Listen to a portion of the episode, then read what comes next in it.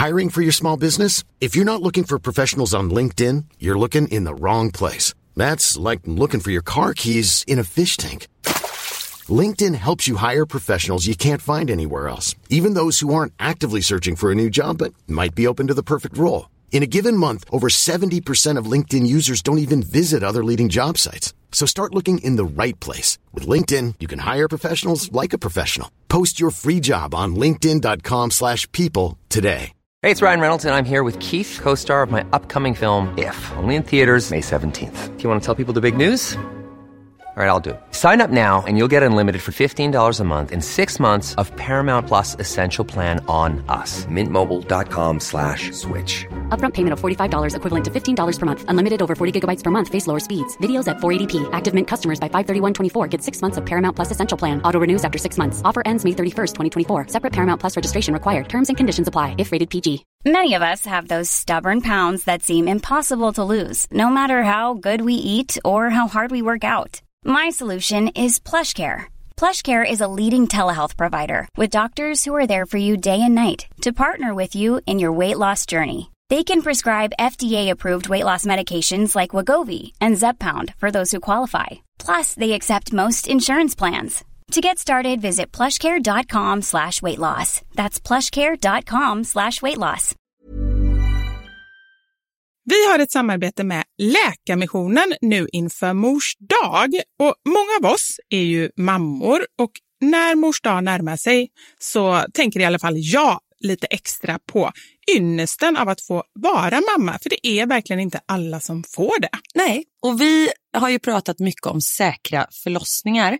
Men det är för att det är en hjärtefråga för oss. Och särskilt efter vi var besökte Nkinga-sjukhuset i Tanzania förra året där vi faktiskt såg med egna ögon vilken skillnad som vi månadsgivare faktiskt gör. Mm. Och just det att Läkarmissionen varje år bidrar till att 1500 kvinnor får en säkrare förlossning med kvalificerad vårdpersonal på Nkinga-sjukhuset säger ju en hel del. Ja, ja, men det var verkligen som att poletten trillade ner när vi var där. Och vi har tänkt jättemycket på just det, hur vi förmedlar det här till er. Alltså vilken skillnad man som månadsgivare faktiskt gör. Men det är svårt. Verkligen. Det är svårt genom ord att göra det, men vi hoppas bara att ni genom att höra oss berätta tar det som ett tecken på att nu är det dags att bli månadsgivare, om du inte är det. Ett av mina starkaste minnen från när vi var där var när vi träffade en kvinna, hon var i 20-årsålder, jag skulle säga 24-25. Mm. Hon hade precis förlöst sitt femte barn och detta var det första barnet som överlevde och det var också det första barnet som hon födde på sjukhus. De andra barnen hade hon fött hemma och ingen av dem hade klarat sig. Jag känner, alltså det bara går rysningar i hela kroppen, det var så Mm. starkt. Ja, är det... Och ja. just nu, så länge lagret räcker, så får du ett Mom Wow-armband som gåva när du blir månadsgivare. Och det är, om jag får säga det själv, eh, för det är jag som har tagit fram det, jag och min kollega, men det är ett jättefint armband och du kan välja mellan guld och silver och svart. Så du ger alltså en mors present som räddar liv i form av säkra förlossningar och så får du en fin gåva till dig själv någon som du tycker om. Mm, och jag kan intyga de här armbanden är superfina. Gå in på läkarmissionen.se snedstreck vara sanningar för att bli månadsgivare idag. Och skriv gärna till oss efteråt, för det är så fint att ta del av era tankar och känslor kring det här. Och så kanske vi läser upp det i podden, vem vet? Tusen tack till alla er som blir månadsgivare och främst tack till Läkarmissionen. Tack så mycket. Radioplay. Och gång på gång så blev han hemskickad. På grund av? Alltså, de vill inte ha hudfärgen, de vill inte ha en svart man där. Fy fan.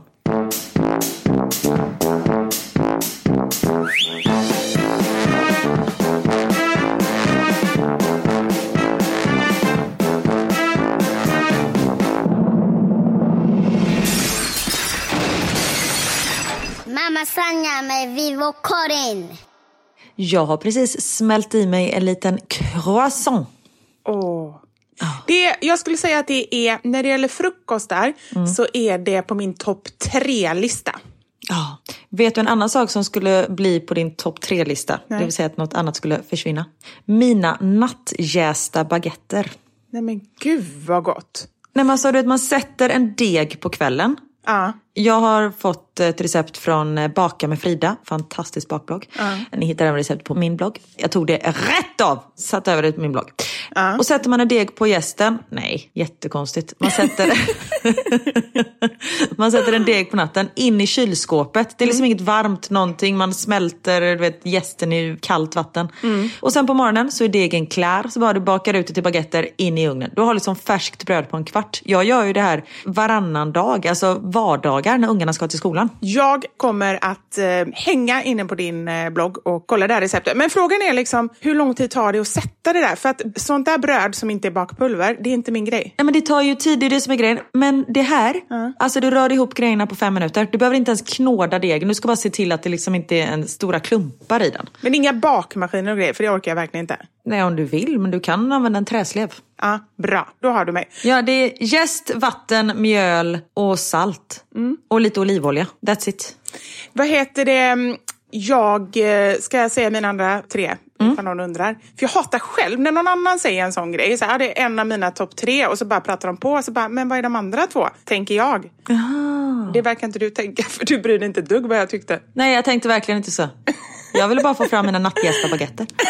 Eller baguette, som min svärmor säger. Gör Ja, men hon säger baguette. Har man någonsin hört någon annan människa säga baguette? Nej, Visst, det stavas så. Ja. Men det är också som min mamma, hon säger McDonalds och så säger hon 7-Up. Och då säger jag så här, Oj. men mamma snälla du vet ju vad det heter. För det, jag känner att det är lite så protest liksom. Och hon bara, jag är svensk, jag är från Göteborg. Då säger jag det så som jag vill säga, det säger jag på svenska. Ja, okej. Och då säger jag till henne, då får du säga 7-Up i så fall. Precis. Så långt hade hon inte tänkt. Nej. Men man säger fortfarande inte baguette på svenska. Nej, det är sant. Ja. Nu! Åh herregud vad jag vill höra din topp tre-lista här nu. Jag är så spänd. Ja, jag förstår det. Berätta. Det är ju inte någon så här rocket science, utan det här är ju grejer som har säkert många äter. Men croissanter, jättebra.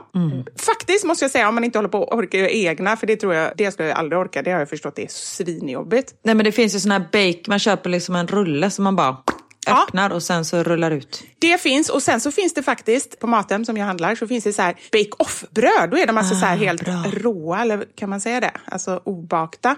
Och så bara in i ugnen i tio minuter och så bara sväller de typ tre gånger sin storlek. De får knappt plats i ugnen. Så stora. Älskar grejer som sväller. Jag blir lite rädd ibland. Men då är frågan, vad har du på dina croissanter? Marmelad, ost och smör. Blir gott. Och lite flingsalt. Ja, Okej, då var nummer ett. Sen nummer två, och det här är egentligen mest barnen som gillar, men jag tycker det kan vara gott också. Det är fattiga riddare.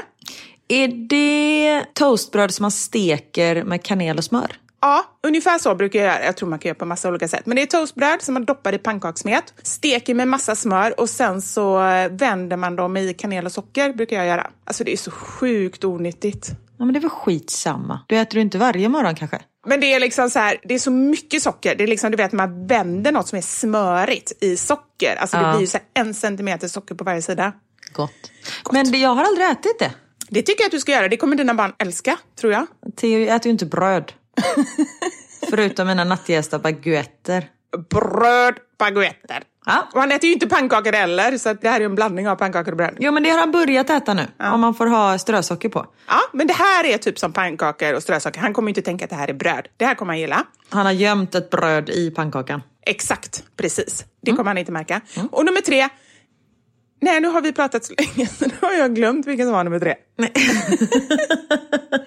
Vad fan ska det vara det? Ja, men jag drar till mig, jag har lite olika, men så här amerikanska pannkakor, men jag säger scones. Det blir det. Ja, scones är också jävligt gott alltså. Allt som är nybakt. Jag tror att vi börjar närma oss lunch lite för mycket för att ha den här podden. Ja, det tror jag med. Faktiskt. Om det inte är klockan 11 på kvällen så är det lunchtid. Eller typ middagstid vid fem och då är vi också svinhungriga. Ja. Oj, förlåt, jag gäspar. Oj, är det så tråkigt? Nej, verkligen inte. Förlåt, jag har haft en sån fruktansvärt märklig natt. Vadå då? Nej men Max vill bara bli nattad av mig. Och det är jag okej med. Men jag vill ju också natta Theo och Niklas vill ju också natta Max. Liksom. Så igår så bara vi stod på oss att Niklas skulle natta Max, vilket resulterade i att han skrek helt hysteriskt i typ en timma. Och mitt i alltihop så Theo, vi var så här, men Theo skulle du kunna tänka dig, jag lägger dig två nätter. Han bara nej. Så var han så här skitbestämd. Vi bara, äh, okej då, men då får vi ha det så här, så får han skrika. Och sen så fick Theo jättedåligt samvete. Så när Max precis hade slutat skrika, han bara, okej då, du kan väl lägga Max. Jag bara, men nu skriker han ju inte längre. Nej, men nu känns det inte bra i kroppen och jag har inte varit snäll i honom för jag vill inte leka med honom i morse heller. Och så nu är jag dum och då fick han så här dåligt samvete. Jag bara, fast nej, nu gör vi så här liksom. Så slutade det med att han gick in och typ när Niklas och Max har jättemysigt och bara, pappa, du får natta mig nu. Mamma ska natta Max. Och då blev Max så här, ja mamma! Och det, allting var helt kajko liksom. Plus att jag hade haft ont i huvudet hela dagen och tänkte jag går och lägger mig med det barnet som jag nattar. Det slutade med att Niklas nattade Max, han började skrika igen. Jag nattade Theo som bara var ledsen för att han hade dåligt samvete och jag var så lite småarg för att han hade väckt Max, eller liksom stört Max igen. Samtidigt som han var ju ledsen för att han tyckte att han inte hade varit snäll så jag kunde inte vara för arg på honom. Och sen så kom Max in till mig i alla fall. Så Niklas sov i Theos rum, jag sov med båda barnen i våran säng och sen kom även Leia som för tillfället har tratt på sig för att hon har ett sår på tassen och den här tratten fastnar överallt. Så att man vaknar av att hon bara står typ i ett hörn. Man bara, men och så får man så flytta på henne. Och varje gång jag vaknar så kände jag... Alltså det här var så lång historia så jag har Nej, jag ingen vet. aning hur det funkar eller slutar eller börjar eller någonting. Det låter bara jobbigt. Nej, inte jag heller. Men det slutar med att jag vaknar ganska trött.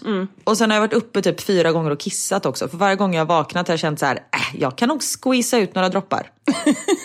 Ja, men det är det som är det värsta faktiskt, skulle jag säga. Jag sa det innan här också, innan vi satte igång podden. Jag har också varit uppe så fyra gånger i natt och kissat. Just för att här, när man ändå vaknar, då tänker man ju, eller man och man, då tänker jag så här. Lite kissnödig är jag ju. Om jag ändå är vaken så är det bättre att gå upp och kissa nu än att ligga kvar och sen vakna om en timme igen. Då får man ju vakna två gånger. Men frågan är om det är det, för jag upplever att jag vänjer min kropp. Jag kan vänja den till att kissa fyra, fem gånger per natt, men jag kan också vänja den till att kissa en gång per natt. Jag tror att det kan vara bra att liksom träna blåsan lite, att hålla sig. För du ska inte behöva kissa fem gånger på en natt. Nej, nej, men man kissar ju inte så mycket då, utan det är ju bara en psykisk grej känns det som. Ja men precis, och det är därför jag tänker att det är nog kanske bra att du håller dig. Ja, men det är ju jäkligt jobbigt. Samtidigt om det gör att man sover svindåligt resten av natten är ju det ju inte värt. Men jag är så rädd också för det är någon gång jag säger att man är kissnödig och så drömmer jag att jag går upp och kissar. Och sen precis när man ska släppa på, då vaknar jag. Man bara shit gud jag höll ju på att kissa på mig. Har du kissat ner den någon gång så? Alltså verkligen på riktigt? Nej, inte i vuxen ålder. Nej. Men det har ju varit nära liksom. För att jag verkligen så här, vaknar och bara fuck. Och den är ju så här jobbig bara, Niklas jag är ledsen, Eh, jag har kissat ner hela sängen så vi måste. Nej, det skulle inte jag göra. Jag skulle bara så här, det han inte vet, Lagt en handduk, fortsatt sova. ja, det har ni inte ont av. Vi fortsätter sova. Men har du kissat på dig i vuxen ålder? Ja, men kissat på mig. Inte i sängen, men... Ja men det har jag gjort också men inte i sängen. Nej, inte i sängen. Nej. Och kissat på mig då är det att det kommer lite typ om jag så här hoppar studsmatta eller springer och jag är lite kissnödig och sånt där. Ja, för mig är det att det kan liksom komma mycket. Ja ah, okej. Ja, jag kommer till en gräns där det kommer lite och sen är det liksom så här, som du sa innan, fuck it. Och så bara kommer jättemycket.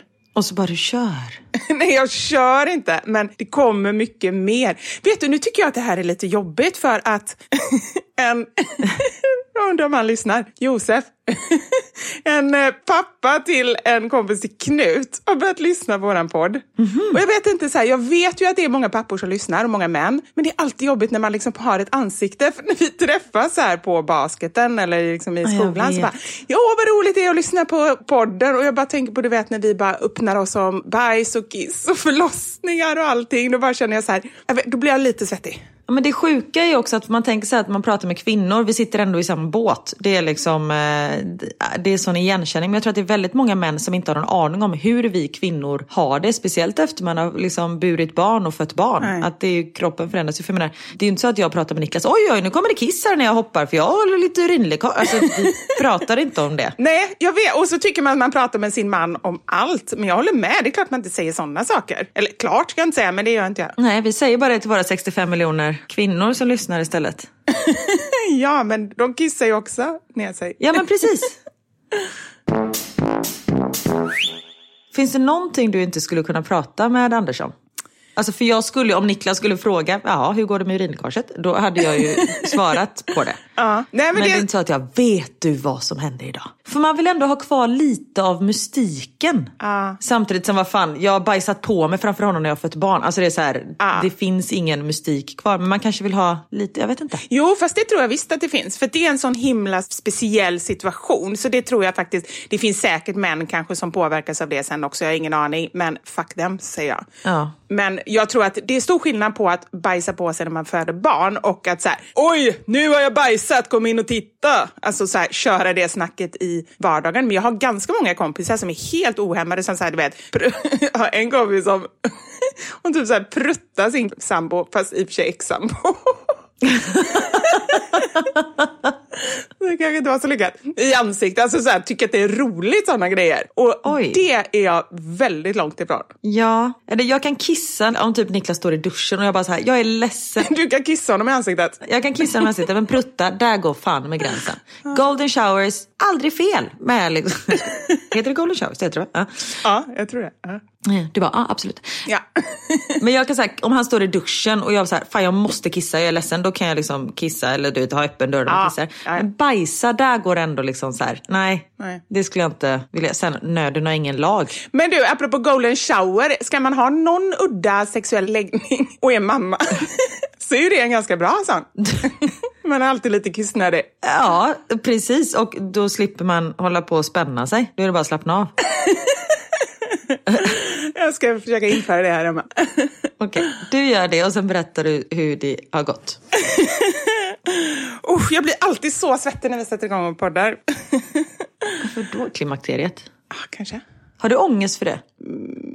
Nej, jag tänker inte jättemycket på det, men jag tror att skulle jag liksom märka att det kommer sådana tecken, då tror jag att jag skulle tycka det var lite jobbigt. För det är så tydligt tecken liksom på att, Ja, att man går över en viss gräns och att åh, nu kan man inte få barn. Även om man inte vill eller tänker eh, försöka liksom få fler barn. Och bara den här åldersgrejen liksom. Alltså det är ju väldigt tydligt tecken på att man blir äldre. Har du det? Inte än. Nej. Men eh, det kommer nog. Och, alltså det är ju väldigt, väldigt stor skillnad på liksom, kvinnors fertilitet. Det går ju ner, vad jag förstår det som, från 35 ungefär, generellt. Men klimakteriet kan man ju hamna i från 35 till 50 eller 55. Så att Ja, det finns ju precis. vissa så här, man kan ju inte bara säga, ah, du är yngre än vad jag är, då är det liksom, det är större sannolikhet att du är mer fertil, men det är inte säkert liksom. Nej. Men det var faktiskt någon som sa, och det tycker jag faktiskt är viktigt att påtala. Det var vid någon podd för typ två, tre gånger sedan som vi pratade om någonting, skaffa barn. Och jag vet att vi har sagt detta tidigare, men jag tycker att det tåls att sägas igen.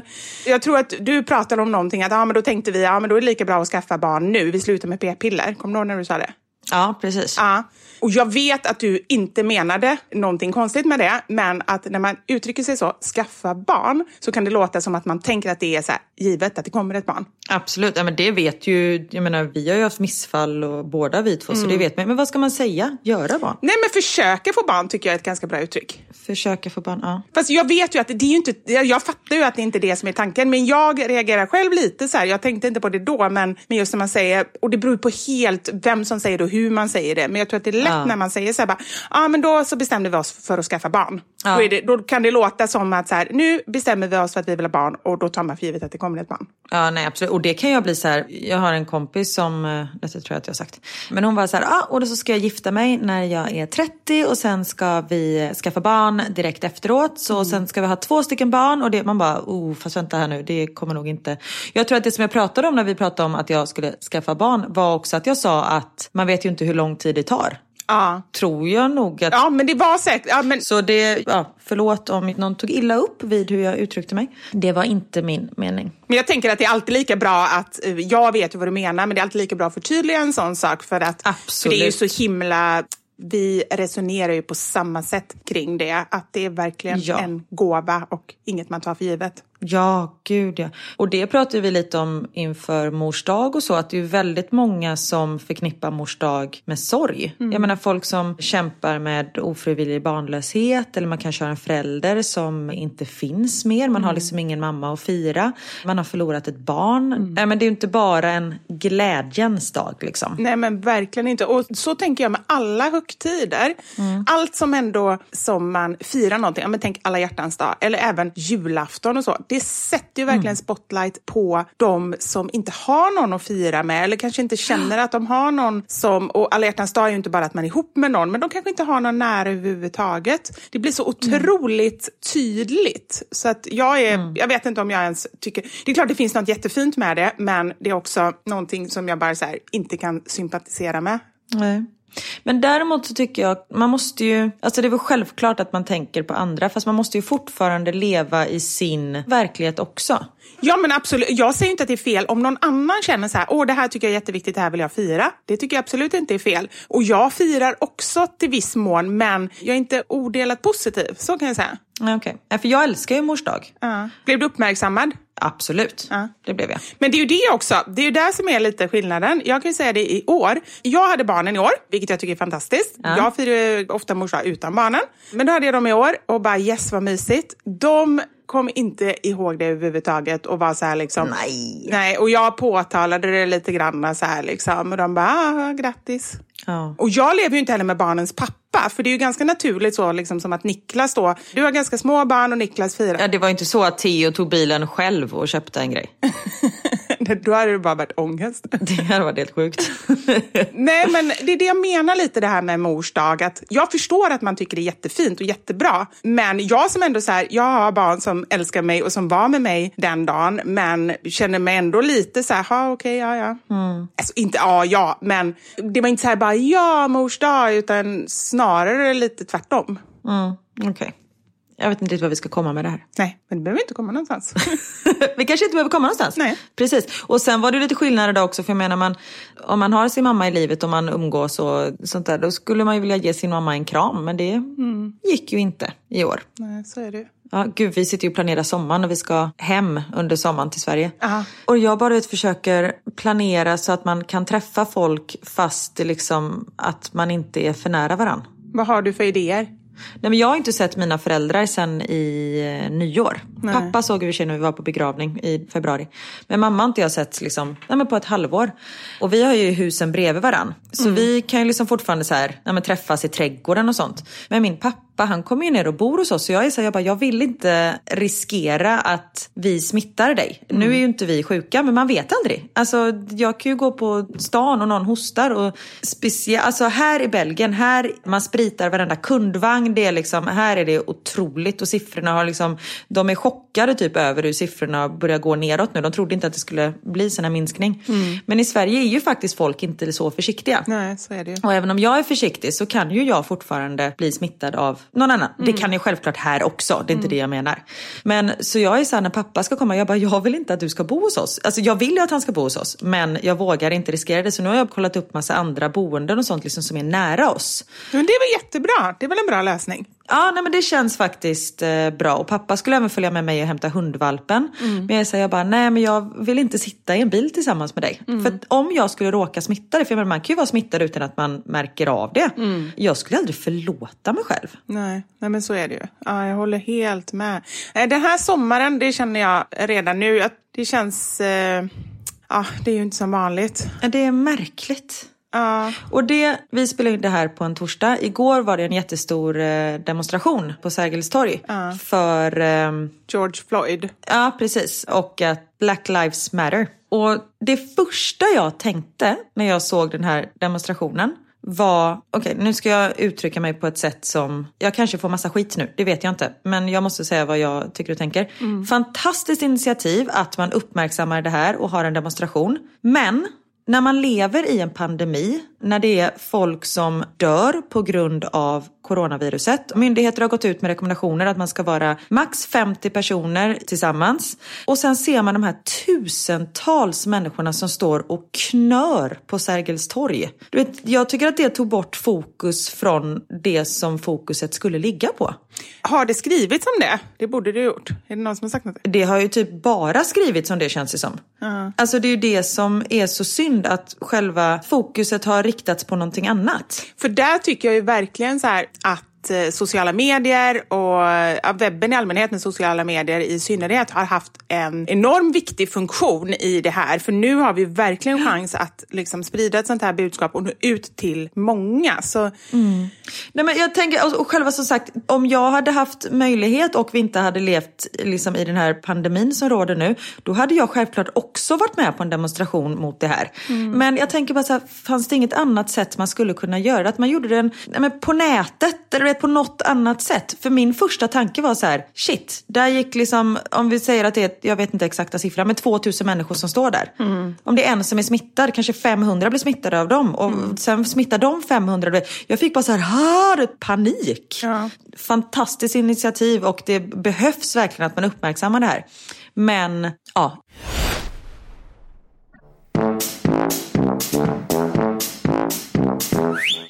Och det här är ju, det måste jag ju lägga till, jag har ju skrivit ett inlägg om det här utan att liksom, alltså om rasismen eftersom jag, mm. eh, det ligger ju mig väldigt nära med tanke på dels att jag själv är mörk och mm. även om inte jag har blivit utsatt för liksom, glåpord i vardagen så är det ju någonting som har påverkat mig ända sedan jag var liten. Ända sedan, mm, jag, jag, vet ju med mig att om man tänker hela det här liksom, duktig flicka-syndrom som jag är extremt mycket så jag alltid velat prestera jättemycket och det är ju väldigt svårt att veta exakt var det kommer ifrån. Mm. Men jag vet vid ett tillfälle, jag tror att jag var runt fyra, fem år eller någonting på gården och jag och några kompisar gjorde något bus, alltså du vet så här, verkligen inget allvarligt utan något bus på gården och det var en kvinna som stod på sin balkong och skrek och såg mig och de andra liksom tre, fyra blonda barn och skrek så här, din lilla svarting, åk hem! Är det sant? Och, och då, du vet, så här, i den åldern, jag fattar ju inte riktigt vad det var för någonting, men jag vet att det är första gången som jag reagerade och som jag kom hem till min mamma och liksom så här, förstod hela den här grejen med att jag är annorlunda och jag pratade med min mamma om det. Och sen så hände det ju ett antal såna här olika saker liksom under min uppväxt. Men det som det ledde mm. till var att jag har alltid känt att jag måste vara extra trevlig. Alltså extra bra i skolan, extra trevlig mot främlingar, extra smart och snäll för att komma upp till alla andras liksom, nivå. Vad hemskt att du känner så. Ja, det är jättehemskt och det är något som fortfarande ligger kvar hos mig. Det är inte så att jag tänker åh det är för att jag, jag är mörk, jag är inte lika mycket värd. Absolut inte, men det här med att folk ska tycka om mig och att jag kan komma på mig själv ibland med att vara så supertrevlig mot främlingar och så kan jag komma på mig själv med att det ligger någonting bakom där med liksom min identitet och min hudfärg. Någonstans där bakom ligger det. Mm.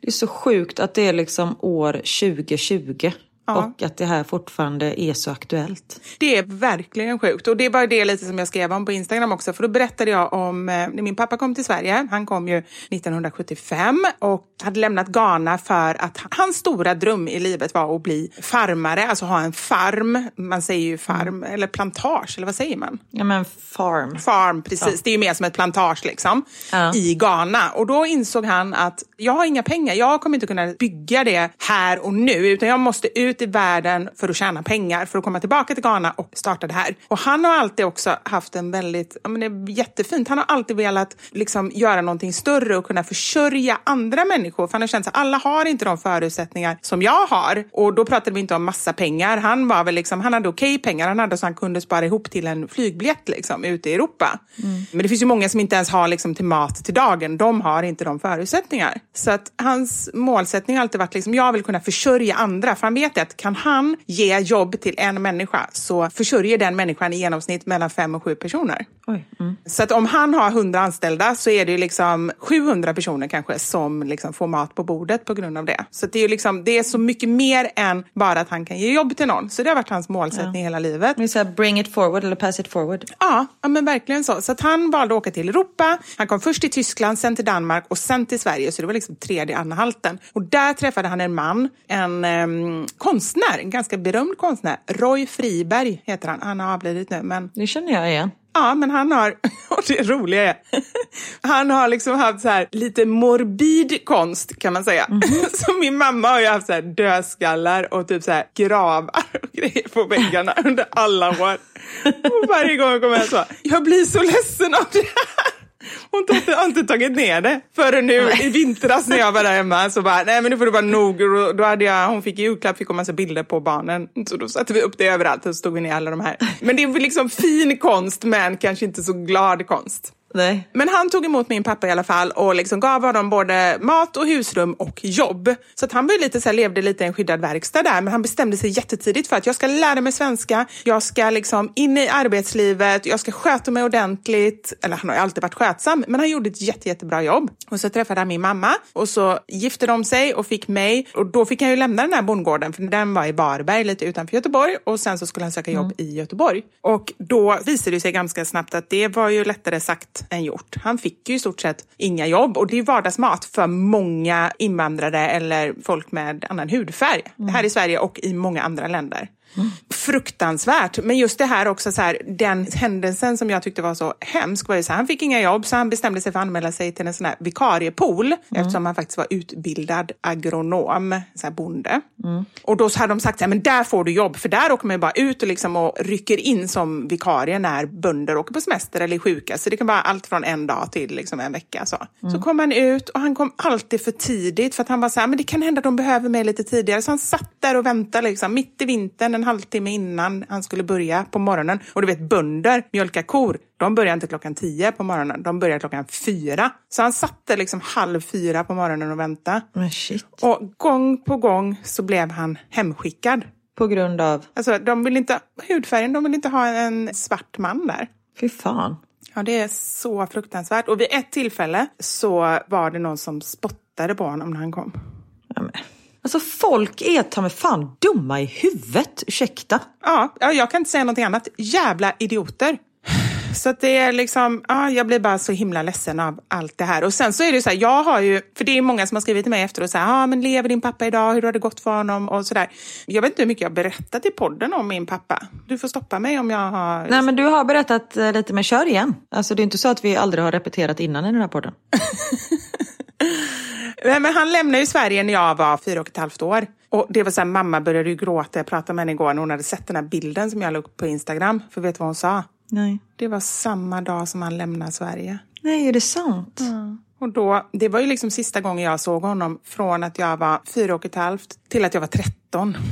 Men äh, berättade han för din mamma att han skulle sticka eller var han bara borta? Nej, nej, han berättade. Så vi var och, och vinkade adjö liksom, på Landvetter. Ja, Men okej. han var ju väldigt så här, jag kommer tillbaka, jag kommer skicka brev, jag kommer ringa, jag kommer skicka presenter och du vet sådär. Och sen så hörde vi ju inte Mm. ett ord av honom. Så mina känslor för min pappa har varit väldigt blandade under åren. Jag har ju vetat om allt det här hemma. Men förlåt, hade de separerat innan? Ja, det hade de gjort. De separerade när jag var två år. Så de var liksom inte gifta. Men eh, Men han hade fortfarande relation med dig liksom? Ja, ja, precis. Och jag var hos honom, på den tiden var det så här varannan helg. Liksom.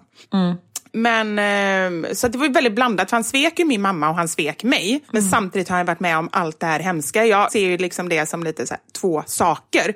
Det finns ju ingenting, det som han var med om, det är ju bara så fruktansvärt och så inte okej. Och jag, har, jag får ju mer förståelse för att han drog. Sen är det ju inte okej att lämna ett barn utan att liksom höra av sig eller på något sätt. Det är det inte. Men att han inte ville bo eller klarade att bo i Sverige, det har jag ju mycket större förståelse för.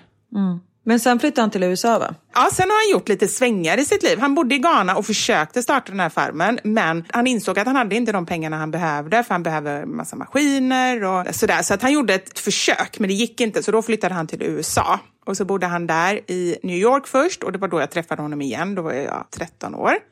Och sen så bodde han i Los Angeles. Och sen flyttade han tillbaka till Ghana igen. Och nu har jag en Men visst har han en farm nu?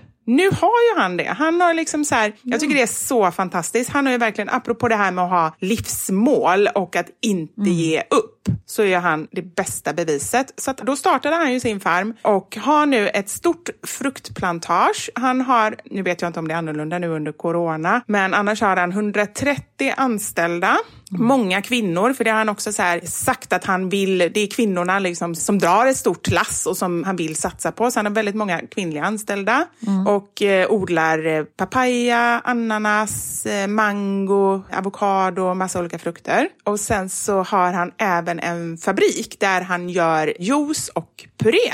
Gud vad häftigt. Ja, men det är helt fantastiskt. Jag tror att han har sammanlagt, man kan han ha 250 anställda. Och tänk då det som jag sa innan, så här, att varje försörjer mellan fem och sju personer. Ja, precis. Så det är liksom så här, mellan 1200 och så här, 1400. Som, Ja. ja, det är fantastiskt. Så att jag, jag får hopp om livet när jag ser det och sen så rasar allt när, liksom, när det blir en sån här grej. Samtidigt som jag känner så här, det är så fruktansvärt det som har hänt. Men förhoppningsvis så kan det ändå leda till någonting positivt. Att vi en gång för alla, som med metoo, inte för att det har liksom löst alla problem, men vi har satt spotlight på det. Ja, men det har uppmärksammats. Ja. Ja, jag hoppas verkligen att också att det inte bara är en fluga, att det liksom höjs nu bara för att det är aktuellt och sen sänks, utan att vi fortsätter. Att vi liksom, för det handlar ju bara om utbildning, mycket det här, jag såg att du, Ja, inställning. inställning, jag såg som du hade delat eh, just det här med liksom att det handlar ju mycket om varför mobbar vi överhuvudtaget? Varför är vi rasister? Varför trycker vi ner folk? Jo, för att vi vill höja upp oss själva. Precis. Och okunnighet. Ja, och okunnighet. Så att om man jobbar på de två delarna, jag fattar ju att det är lättare sagt än gjort, men det behöver ju bara börja någonstans. Ja, men så länge man kan ju börja hos sig själv och om alla gör det så förhoppningsvis leder det till något bra. Vi får verkligen hoppas att det blir en förändring i världen. Som sagt, vi lever i år 2020 och vi har inte kommit längre när det kommer till rasism. Det är fruktansvärt. Nej, men jag tänker nu med allt som har varit uppmärksammat, låt säga så här de tre, fyra senaste åren. Metoo, jag tänker mycket med klimatet. Nu corona och så det här med rasismen. Det är så stora grejer. Det känns som att de stora grejerna, om man tittar så här, vad har hänt de tio senaste åren innan dess? Det känns som att det bara så här har rullat på. Folk har kommit undan med saker. Även den här Paolo-grejen, jag kallar det Paolo-grejen nu, men liksom med prostitution och eh, människors värde och så här. Det är så många sådana stora saker som bubblar upp nu och jag hoppas verkligen att vi kan göra någonting. Vi kan vända de här krafterna. Men det känns som att vi har fått nog lite. Ja. Att det är som du säger, att folk kommer undan med det. Folk ska fan inte komma undan med sånt här längre. Nej. Corona kanske är svårt att komma undan i och för sig. Alltså det ligger kanske inte riktigt... Ja. Nej, det kanske inte har liksom, man kan inte säga att allting är likadant, men det är någonting som skapar ändå en medvetenhet. ja, och medvetenhet om hur sårbara vi är. Ja, I och med att från en dag till en annan så bara världen stängs ner, typ. Och det har man ju inte trott har varit möjligt innan. Nej! När det handlar om miljön, då kan man inte ställa in några flyg. Men när det handlar om något annat, då är man inte sen på att ställa in det. Ja, exakt. Och där, nu fick vi ju någon anledning till att, ja men okej, nu ska vi inte flyga. Precis. Och att det har faktiskt gått ganska bra för alla ändå. Att inte flyga, menar jag. Ja, jag fattar. Jag bara, mm. Ja, ja eh, shit, det är fan märkliga tider alltså. Men som du säger, förhoppningsvis så leder eh, allting till något positivt. Ja, vi får verkligen hoppas det. Ja. Jo, apropå att få ut någonting positivt av allt det hemska som händer. Som vi har faktiskt en fantastisk sak att berätta. Något som vi precis fick reda på. Vi har ju ett eh, jätteviktigt samarbete tillsammans med Läkarmissionen. Och det hade vi inför mors dag och vi uppmuntrade er att ge bort en säker förlossning till eran mamma eller kanske önska er en sådan själv. Och vet ni hur många som tecknade en säker förlossning hos Läkarmissionen? Jag älskar att du frågar sådär. Ja, jag vet att jag frågade våra 65 miljoner lyssnare. Ja, men det är helt sjukt. Det var över 5 000 personer. Ja, det är så underbart. Och Ja. jag tror det är så här, ja, men som mamma, när man förmodligen själv har fött barn, om man inte har adopterat barn, så kan man ju verkligen relatera till det här med förlossning. Mm. För det finns ju inget tillfälle när man känner sig så utsatt. Nej, gud. Ja. Och kunna hjälpa en annan mamma så att hon får föda tryggt och säkert på sjukhus, det är ju fantastiskt. Mm. Men det är ju inte bara vid mors dag som det föds barn och som kvinnor och eh, mammor i världen behöver vår hjälp. Läkarmissionen behöver månadsgivare och man behöver inte ge mycket för att det ska betyda väldigt mycket. Jag tycker att det alltid är bra att vara liksom konkret, så nu ska jag vara det. Om man ger 100 kronor i månaden som månadsgivare så motsvarar det varje år att sex stycken flickor får komma till ett tryggt läger när det är könsstympningssäsong. Det är så sjukt att det finns någonting som kallas för könsstympningssäsong, men så hemskt är det.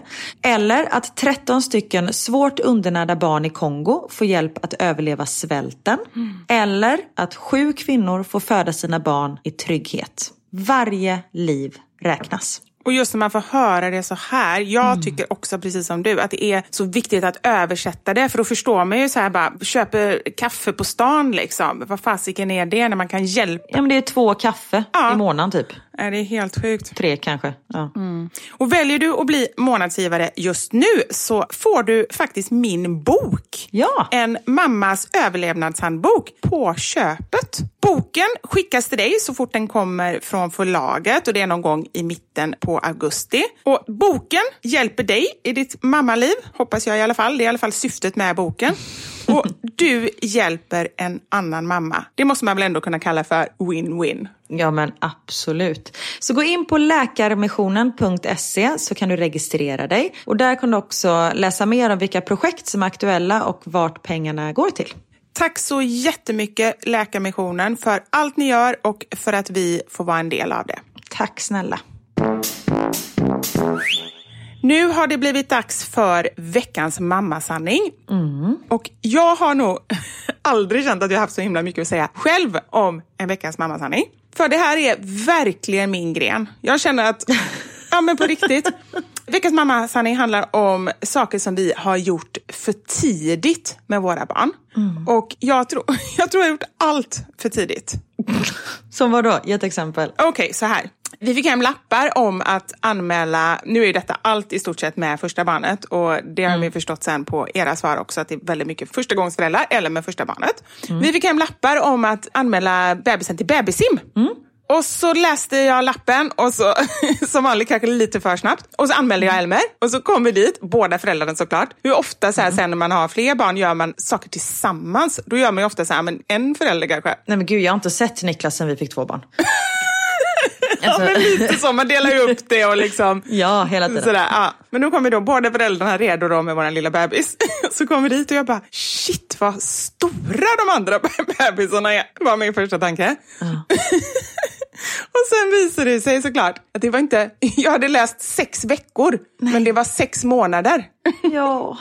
Så de andra var ju så... Jag måste ju kunna hålla upp sitt eget huvud innan liksom. Ja men dels det och sen också, sen, och mina barn har alltid varit rätt supertunna också, så jättetunna och sex veckor. Så du vet, man skulle ha dem i en sån här vattenring. Och Elmer åkte igenom ringen. Så han åkte ner på botten. Nej men gud. Det var så hemskt. Men vi fångade upp honom och de har ju så här reflexer så det gick ingen där på honom. Men bara det liksom, det var ju inte bra alls. Men gick ni klart kursen? Jajamän. Tycker han om vatten idag? Ja, han gör faktiskt det. Han är faktiskt en grym simmare. Han har gått både på simhopp och simning och kan kråla och massa grejer. Men det är nog ett, snarare ett under. Eller så gjorde vi helt rätt. Det kanske var det. Ja, precis. Jag var ju, men det var mest för min egen skull, eller det mesta är väl för ens egen skull.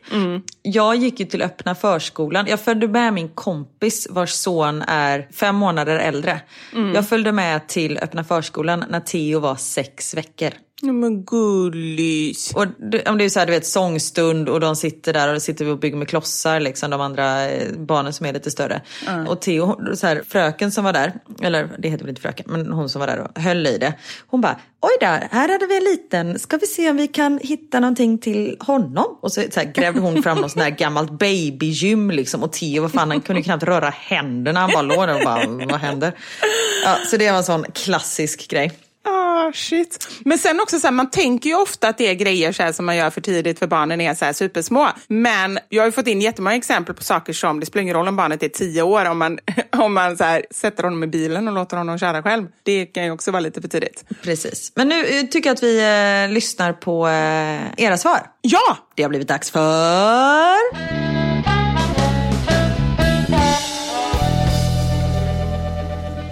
Veckans mammasanning. Stort, stort, stort ettårskalas. Ungen skrek så fort hon såg alla människor och fick leka i rummet bredvid. oh shit. Jag fyllde ju 30 när, nu ska vi se, Elmer är född 12 juni och jag är född 6 juli. Så hade Elmer varit tre veckor gammal.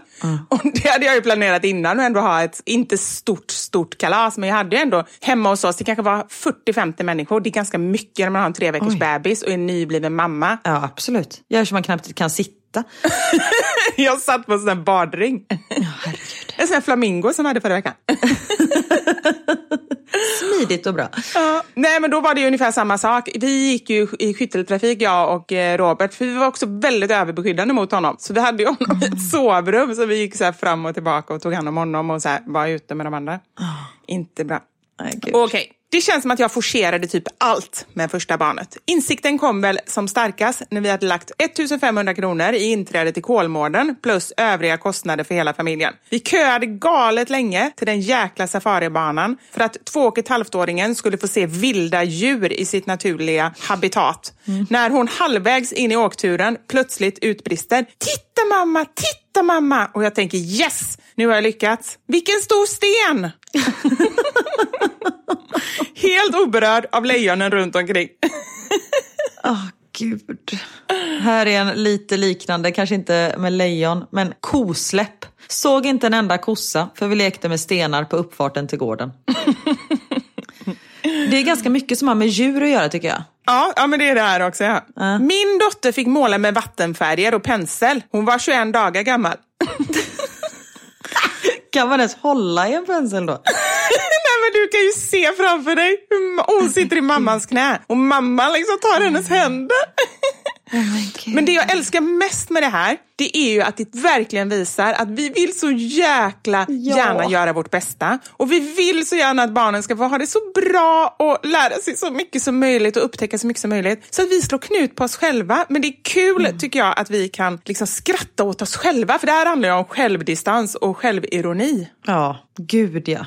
Här har vi. Satte min förstfödda i ridskola vid två och ett halvt års ålder för jag önskade att hon skulle bli hästtjej. Kan tillägga att hon är 12 år nu och storgrät varje gång innan vi fick sluta. Hon avskyr hästar idag. Japp. Oh, shit. Jag åkte på kryssning ensam med tvillingar som var tre år gamla. Båda rymde och gömde sig. Jag åldrades 24 år på 24 timmar. Äh, fy fan, och på en båt också. Paniken. Ja, på en båt, ja. ja. Ah, man vet att de kan inte komma så långt, men om de kommer långt, då är det kört. ja. Ja, fy fan. Och det är inte bara föräldrarna som skämmer bort barnen här. Dotterns farmor köpte en ponny till henne när jag var gravid i vecka 22. Hon var alltså inte ens född. Och, alltså djur, en ponny, det kräver ju jättemycket jobb. Ja! Och något annat som kräver jobb är ju en hund. Här är en som skriver. Köpte en hundvalp till ungen när han var sex månader. Han tog inget ansvar alls. Men mor var nöjd. Oh, shit. Apropå mormor. Mormor lät morsan röka när hon var fyra fem år. Hon har aldrig rökat sedan dess. Rökat? Rökat. Men det säger man i vissa eh, ställen. Ja.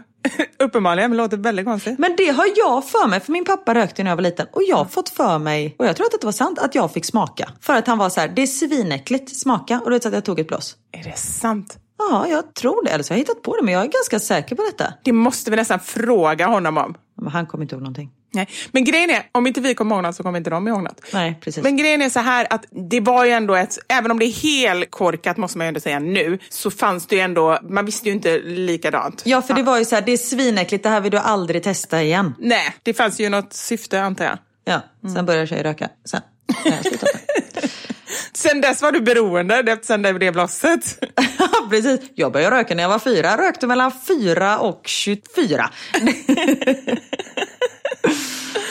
Usch vad sorgligt. Det finns ju säkert, alltså det finns ju föräldrar som bjuder barn på alkohol och så här, fruktansvärt. Ja. Så det finns ju säkert eh, i... Nej, men det finns folk till allt tänkte jag säga. Pappa började i sig röka när han var nio, eller elva typ. Nej! Jo, men det var på Madeira. Då visste man inte att det var farligt, säger han. Nej. Hornborgarsjön. Han var nio månader. Vi har aldrig haft intresse för fåglar. Sjuka saker man gör. Titta Pippin! Titta! Där! Pip, pip, pip. Åh shit, alltså aldrig intresse för fåglar. Apropå, apropå fåglar, när vi var i Thailand när, jag tror Knut var ett och ett halvt. Fan vilken jobbig resa det var. Det enda han ville göra, det var att jaga fåglar. Det fanns så många fåglar inne på den här resorten. Så det enda jag gjorde, det var att jaga honom som jagade fåglar. Jag satt inte ner i en solstol en enda gång på två veckor. Nej men så är det ju inte. Alltså, vi har ju fortfarande, det gör man ju fortfarande inte. Liksom sitter och chillar. Och det har jag sagt, för jag har ju inga minnen från när jag själv är under 12 typ. Nej. Så jag har ju sagt att när vi får barn, vi ska fan inte göra någonting med dem. De är nöjda med en kastrull och en slev och sitta och banka på. Sen är det klart att man måste, kanske vill göra någonting med barnen ändå än att bara ge en sexåring en kastrull och en slev. Men just det här, alltså fan vad man håller på. Men här är en som jag verkligen kan relatera till. Lärt dem prata. Man orkar inte en ett och ett halvt-åring som har tal som en treåring. Åh, nej. Den kan jag känna igen. Fast å andra sidan, hade ett och ett halvt-åringen haft samma energi och pratat lika mycket fast man inte förstod, då kanske man ändå är gladare att man förstår. Eller? Ja, det är sant. Men jag menar som Max, han tjötar ju hål i huvudet på den och det har han gjort sedan han var ett. Ja. Gud. Jag lärde min son på nio månader hur man stänger av, sätter på diskmaskinen. Jag har aldrig ångrat någonting så mycket i hela mitt liv. Nej, det kan jag förstå. Man bara, jag satte ju på den. Fan! Tog med min nyss fyllda ettåring till Liseberg. Sätter oss i en attraktion som hon får åka. Men de får avbryta efter halva då hon blev helt skräckslagen. Sveriges sämsta mamma. Men, Nej, du är inte Sveriges Nej. sämsta mamma. Du ville väl. Men den på riktigt, alltså det, det, nu måste jag erkänna en sak. Ibland skriver folk så här, åh det verkar vara en bra mamma och liksom sånt där. Det får ju du säkert också kommentarer. Nej, nej, nej, nej. Ja, men på riktigt. Nu ska jag säga att när jag var liten så tyckte jag om att, usch det här är en jättehemsk confession, men då tyckte jag om att vara barnvakt. Så när jag var liksom, jag var inte superliten, jag kanske var 12 och så kanske jag passade barn som var fem. Och det är ju så konstigt ändå. En gång så fick jag gå ut och då var jag typ nio, då fick jag gå ut med en nyfödd bebis i vagnen så i två timmar och promenera. Va? inte det jättekonstigt att låta, jag skulle aldrig så låta, jag vågar ju knappt att pappan hade hand om barnet. Det är väldigt... Det var lite konstigt. Men i alla fall, jag passade ganska ofta barn, när jag var 12, liksom, så här, barn som var 5-6, och det är ju inte så konstigt i sig. Nej. Men det jag tyckte var jätteroligt, det var, då lurade jag alltid de barnen. Så att jag liksom gjorde massa pranks på dem, då fanns ju inte ordet prank. Utan jag vet några grejer som jag gjorde. Då skulle jag göra så här, en mellismacka till ett barn, då la jag tandkräm under osten. Sådana grejer, liksom, inget jättefarligt. Och en gång, men det här är ju farligt, det här är ju inte bra. En gång så doppade jag en napp i bakpulver. Nej, men, Ja, men jag vet. Jättehemskt. varför då? Fick du fortsätta vara, eller hade du liksom bara... Ja, det var en gång du fick passa de barnen. Då tar vi nästa. Men jag tjänade inga pengar, så det var inte som idag. Utan jag med gjorde det för att det var roligt. liksom. Då förtjänar de fan lite bakpulver i käften. Ja, det kan man ju tycka. Men det roliga är då att det finns någonting lite kvar i, inte just det, men så här, vid ett tillfälle, och detta är jättehemskt, men apropå karuseller sådär. Så var vi på Liseberg och så, Elmer ville inte åka någonting och jag bara, men herregud kan vi inte åka någonting? Och då så gick vi till Flumride och då såg han inte den här hemska sista backen utan han såg bara de där båtarna som guppade där nere. Ah. Och låt säga att han var fyra år eller någonting. Och jag bara, men här kan man åka, den är inte så farlig. Och så satte vi oss i den. Och det är jätte... Gud vad hemskt det här är. Och så åkte vi, förlåt nu skrattar jag, jag låter ju så elak. och då är det ju liksom först en ganska brant backe och sen kommer den här jättebranta backen. Och när den här ganska branta backen hade kommit, han var skräckslagen. Och bara, jag vill gå av. Och då visste jag så här, åh nej, det här var så dåligt val. Nu kommer den branta backen efter det. Så jag, Man kan ju inte gå av. nej, och det är ju jättehemskt. Och sen så tog det många år innan han åkte någonting igen. Ja, fast han hade ju ändå vattenbanan innan sen tidigare. det, det är ju bra. Så det var inte vattnet han var rädd för i alla fall. Karin, usch, nej, jag kommer bli anmäld efter det här. Kan man anmälas för sånt här? Nej, det tror jag inte. Som sagt, vi vill väl. Ja. Ja. Cyklat dressin. Vad är dressin? Är det sån här... Nej men det är sådana, du vet när man typ, eh, som en cykel på eh, tågspår. Ja, bra. Det var det jag tänkte. Men okej, cyklat dressin. Givetvis så ramlade ungen av och låg som en sjöstjärna under dressinen. Nej men gud, kan de inte bli mosade? Nej, fast det måste ju stå still. Alltså det kan ju inte vara så farligt som det låter, för då hade hon ju inte skrivit det. Nej, men så måste det ju vara. Det är många som åker till Kolmården. Och här är, jag åkte till Kolmården med vår två månader gamla son. Tror inte han såg mer än min tutte. Ja, vad tror man egentligen? De kan ju inte ens titta rakt, de tittar ju kors. Nej, men ja, gud. Och så bara, titta, titta där, titta lejon, titta tiger. Jag gjorde hål i öronen på min dotter när hon var tre år. Och det är ju jätte, jätte det låter ju så här jobbigt för att barnen ligger på sidan och man kan få ont och så här. Men då vill jag berätta en annan grej. Min pappa, vi har ju pratat om honom tidigare idag. Han tog mig när jag var tio dagar. Så tog han mig och gick iväg med mig och var borta alldeles för länge. Och mamma var jätteorolig och man kunde inte ringa på den tiden. Och kommer hem och då har jag hål i öronen. Så jag var tio dagar när jag fick hål i öronen.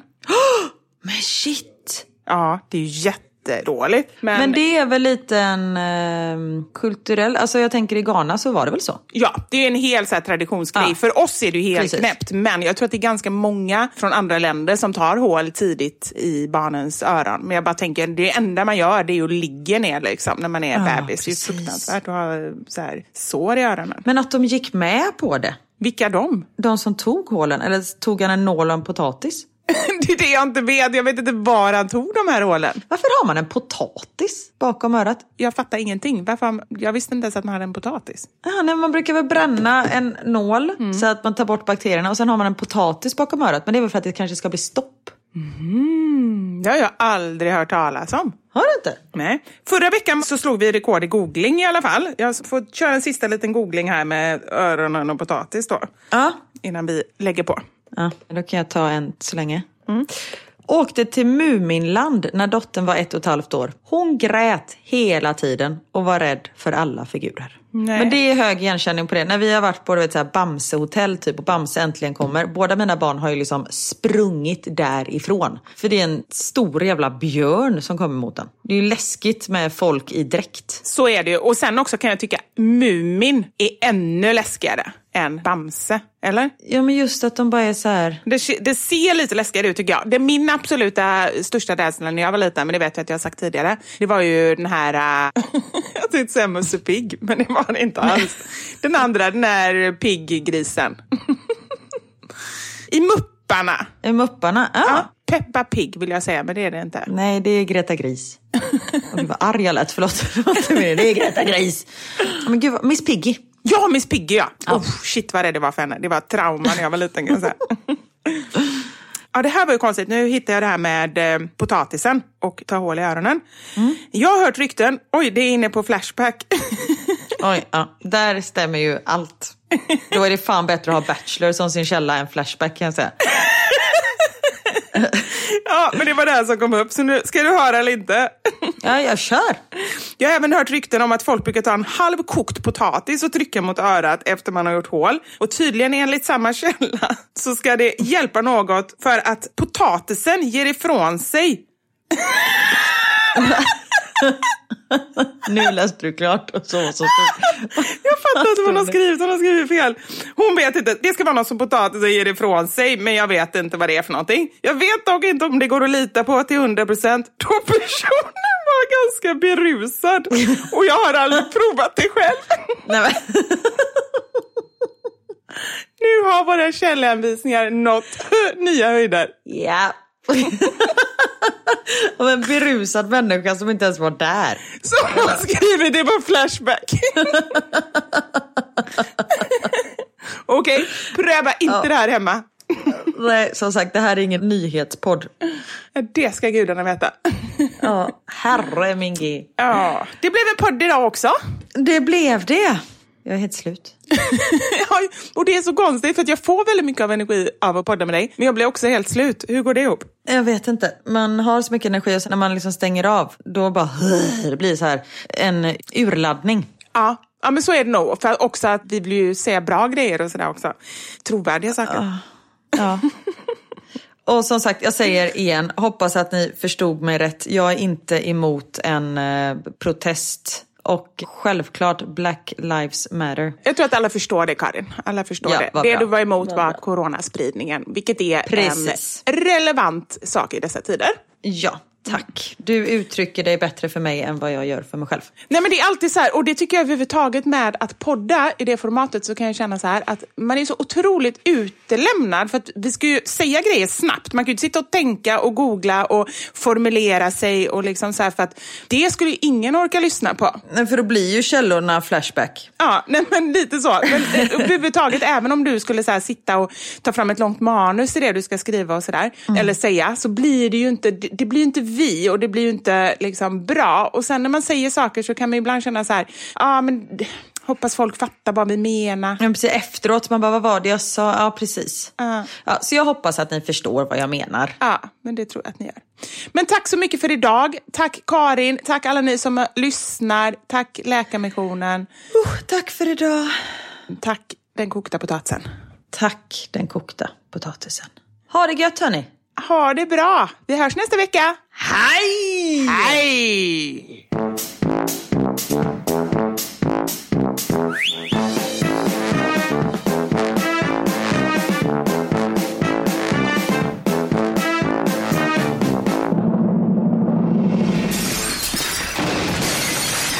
Mamma Sanja med Vivo Karin.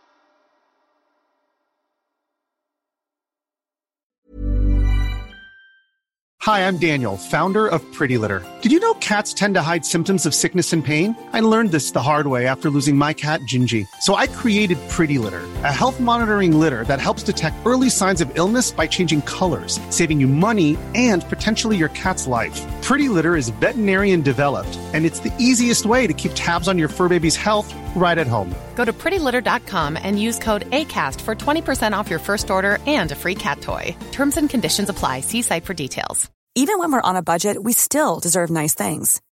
Quince is a place to scoop up stunning high end goods for 50 to 80% less than similar brands. They have buttery soft cashmere sweaters starting at $50, luxurious Italian leather bags, and so much more. Plus, Quince only works with factories that use safe, ethical, and responsible manufacturing. Get the high-end goods you'll love without the high price tag with Quince. Go to quince.com/style for free shipping and 365-day returns.